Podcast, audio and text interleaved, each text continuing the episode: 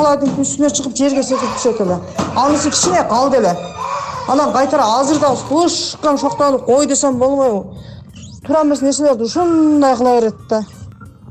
Анан карап отуруп кыйналам кээде балдарым карап быжалак болуп отуруп нары карай ыйлап балдарым карап анан ушинтип отурам да кыскасычы дцпны зпр деген диагноз менен да задержка психомоторное развитие анан буту баспайт анан ошо тил жагы менен азыр бир жумада эки жолу кырк минуттан занимация кылып атам төлөп албетте бир айга төлөйм. Ош шаарында ошол бир үй бүлөдө төрт бала төрөлгөн. Алардын үчөөсүнүн угуусу начар.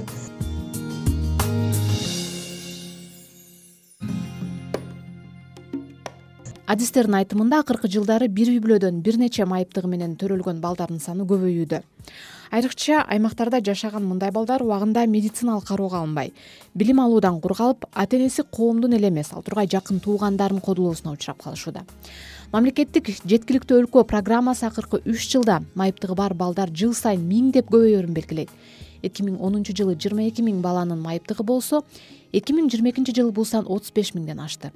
Урматтуу угарман сиз азаттык радиосунун сергек жашоо подкастын угуп баштадыңыз алдыда биз ош жана чүй облустунда бир нече майыптыгы бар балдарды баккан эки эненин жашоосу аркылуу кыргызстандагы бул көйгөйдү баяндайбыз. Подкастты мен бактыгүл чыныбаева алып барам.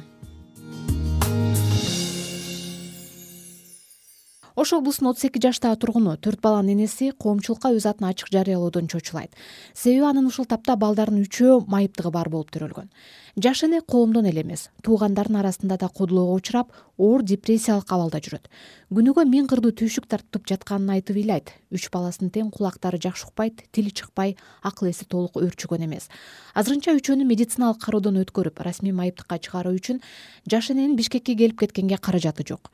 Бишкектеги адистешкен дарыгерлер гана анын балдарынын тубаса майып экенин далилдеген медициналык маалым катты бере алышат. Бир бир чоң чоң кызым алты жашар экинчи уулум төрт жашар. Кудай кааласа жазга бирөө жетиге чыгып бирөө алты неме бешке чыгат. Ошо уулум бирөөнү оң кулагы укпай атат бирөөнү сол кулагы укпай атат жакшы сүйлөй албай атышат балдарым роса кыйналып атам үйүм жок. Жашашардым квартирада турам ошол бишкекке алып барып ошо операция деп атат да бирөөнүн оң кулагын бирөөнүн сол кулагын операция деп атат. Ал логопедке барып атам баланы реабилитационный центрге алып барып ташып атам логопедке. Бул жашоодо роса кыйналып ушундай кыйналып атам. Акыры өзүм ам ушинтип балдарымды аяка бияка ташып жүрүп азыр чынын айтканда өзүм ден соолугум уже кетип баштады. Белим ооруп белим оорукчан болуп атат. Ошо акча жагынан деле кыйналып тамак аш жагынан деле кыйналып акыркы күндөрү балдардын гемоглобиндери түшүп кетти. Түшүп кетип уже же эт жебей же аны жебей же буну жебей кубарпатыбызга берип жок дегенде ошо балдардын нервопатологдорунан өткөрүп ошо дарыларына берип акыркы күндөрү жаман жаман кыйналып кеттим эч кимдин баласы оорубасын эч кимдин башына. Меникине түшкөн нерсе түшпөсүн эми бишкекке деп атат бишкекке алып барып лечение кылып келем ошо алып барып көргөзүп келем да.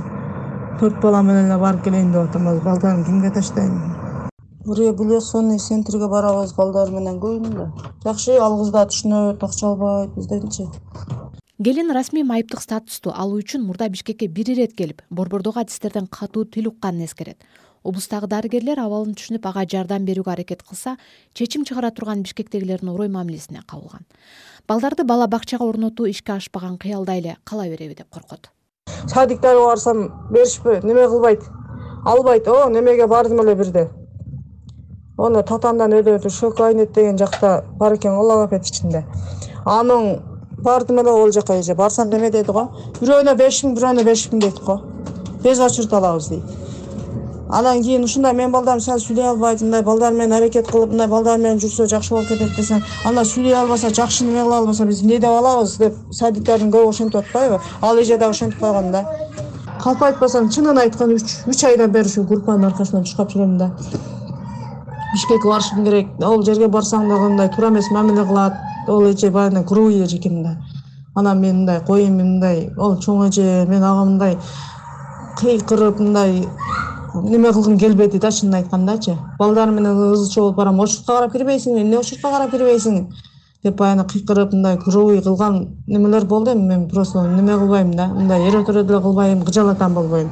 Кызым кичине жакшыраак да бирок экинчи уулум роса шоктонуп мисалы мындай кой туруп туруп мисалы роса шок эле. Холодильниктин үстүнө чыгып жерге секирип түшөт эле. Анысы кичине калды эле. Анан кайтара азыр дагы слышком шоктонуп кой десем болбойбу. Туура эмес нерселерди ушундай кыла берет да. Анан карап отуруп кыйналам кээде балдарым карап кыжалат болуп отуруп нары карай ыйлап балдарым карап соронуп ушинтип отурам да кыскасычы адистер алдыда үч жылда балдар арасында онкологиялык жүрөк кан тамыр оорулары көбөйүп тубаса шал оорусу менен балдар көп төрөлөрүн прогноздоп жатышат. Он сегиз жашка чейинки балдардын майыптыгына элүү процент эненин саламаттыгы начар болуусу себеп экени айтылат. Акыркы жылдары майыптыгы бар балдардын көбөйүүсү мамлекет үчүн кошумча оордук болоорун мындай балдар менен иштеген кызматкерлер тынбай айтышууда ош шаарындагы калктын аярлуу катмарларын коргоо борборунун жетекчиси зейнеп эшмуратова жылына миңдей балада майыптык жаңы аныкталып жатканын айтат майыптыктын санынын көбөйүп аткан бул тенденцияны биз байкайбыз. Жылына мисалы үчүн акыркы бир беш жылды же он жылды алган болсок бул туруктуу жылына ар бир жылда миң балага кошулуп келатат да. Жана азыр миңден жогору дагы кошулган учуру бар да. Негизи буга биз моундай себептерди болжолдоп келебиз да. Ушундай ушундан улам болсо керек деп. Биринчиден ушул балким медициналык социалдык эксперттик комиссиянын аныктоо системасы жакшырдыбы же ата энелердин түшүнүгү кеңейип э, алар ушул майыптык маселесиндеги балдарга э, мамлекеттик деңгээлден э, атайын майыптык эмесин статусун алып анан колдоо берет деген жагын түшүнүшүп калдыбы же медицина жакшы иштеп атабы же болбосо кыргызстанда майыптык маселесинде эсепке алуу системасы жакшы иштеп калдыбы деген себептерди эме кылабыз анан бул тенденция майыптыгы бар балдардын санынын өскөн тенденциясы бул көп убакта мамлекет үчүн өтө көп каражаттарды талап кыла турган э, чараларды алып э, барганга же болбосо конкреттүү чараларды колдонууга зарыл болот деген ойлорду эме кылабыз урматтуу угарман сиз сергек жашоо подкастын угуп жатасыз аны мен бактыгүл чыныбаева алып баруудамын. Акыркы статистикалык маалыматтар боюнча кыргызстанда жүз токсон төрт миңдей ден соолугунан мүмкүнчүлүгү чектелүү адам бар алар мамлекеттен пенсия жана жөлөк пул алышат.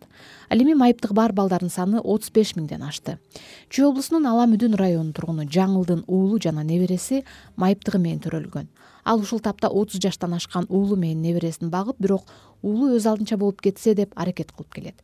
Бул үчүн ал биринчи кезекте уулу иш орду менен камсыз болуп жок дегенде жер тилкеге ээлик кылса деп тилейт өкмөттөн эч кандай деле баягы пособиясын алабыз эми башка жардам деле жок. Андан сырткары алты ай сайын мен ошо неберемди ак сууга алып барып турам. Леченияга э, үч айда бир кайра невропатологдун дарысын ичип турабыз анткени кызымдын башында дагы суусу бар анан кистасы да бар да. Ошого үч айда бир бул биздин бишкектеги невропатологдордон албетте платный анын баары баарыбыздын барып өзүбүз сатып алабыз ошо алты айда бир томографияга түшүп турабыз.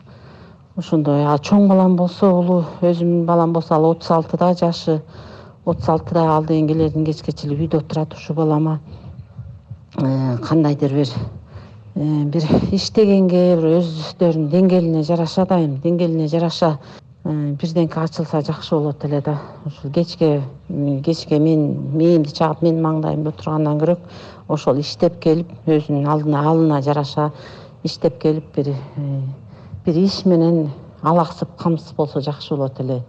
Дайым чоң жумуш жасай албаса да өзүнүн деңгээлине жараша деп атпаймынбы ошондойлор бизге керек эле абдан.